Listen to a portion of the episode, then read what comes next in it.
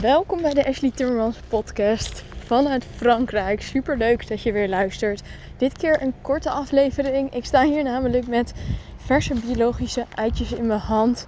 ehm, die ik lekker gekocht heb. Ik ben vandaag jarig en ehm, ik, ik kreeg ineens een, eh, een, een, een, een ingeving en die wilde ik even met jullie delen aan de hand van dat ik hier mijn biologische eitjes ging halen.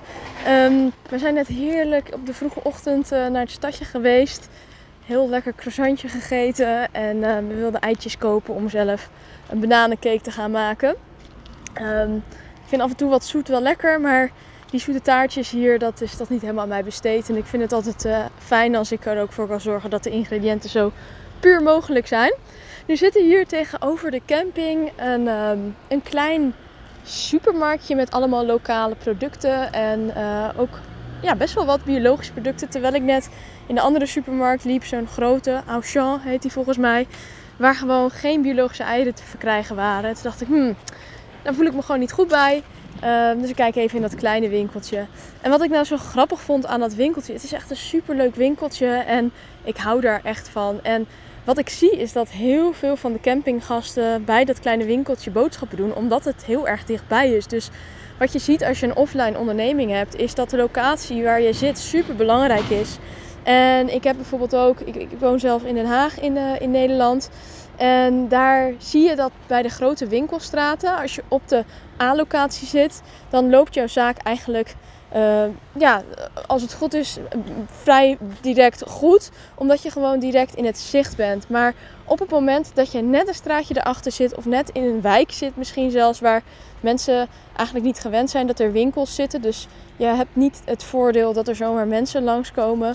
Dan zul je zien dat je veel meer moet gaan trekken aan het krijgen van klanten. En als je een offline onderneming hebt, dan ben je gewoon heel erg afhankelijk van de mensen die op dat moment in je buurt zijn.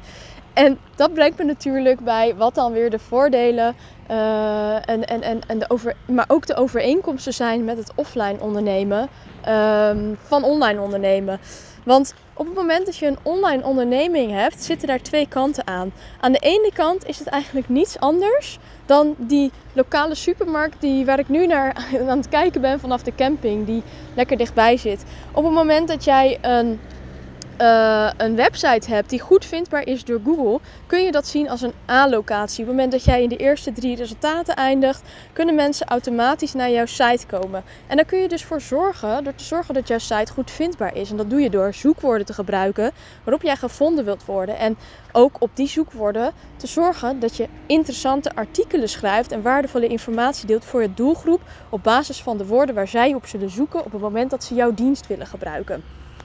Op die manier creëer jij een allocatie voor jouw online business. En dat is natuurlijk een heel groot voordeel ten opzichte van een offline business. Want op het moment dat jij op een plek zit wat geen allocatie is, dan is het geen allocatie. En dan zul je op een andere manier je expertstatus en bekendheid moeten gaan opbouwen.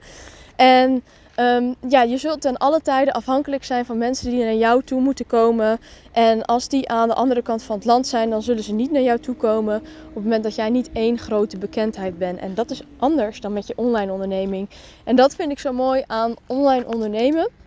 Dus aan de ene kant is het hetzelfde, want op het moment dat jij je website online zet, heb jij niet direct die allocatie, tenzij jij al een expert bent en al, uh, dat er al allemaal mensen op jouw naam zoeken. Maar op het moment dat mensen bijvoorbeeld zoeken op, in mijn geval business coach, zullen ze niet direct op mijn site komen. Want ik heb met mijn site nog niet die allocatie gecreëerd als online onderneming. Ik sta nog niet op nummer 1 um, ehm, met mijn business.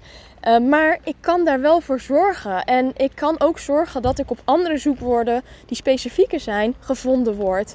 En dat vind ik dus een super groot voordeel van online ondernemer. Dus bij deze ga eens bij jezelf na met je website en de niche waarin jij een online business wilt opbouwen of al hebt.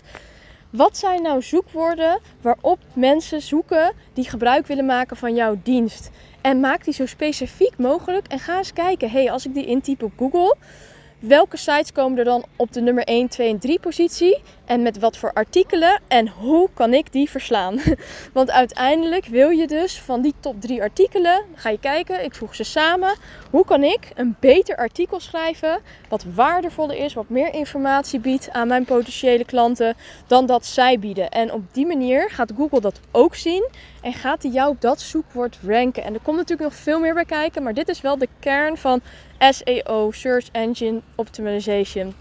Heel veel succes. Ik hoop dat je deze podcast waardevol vond. Tot de volgende en groetjes vanuit Frankrijk.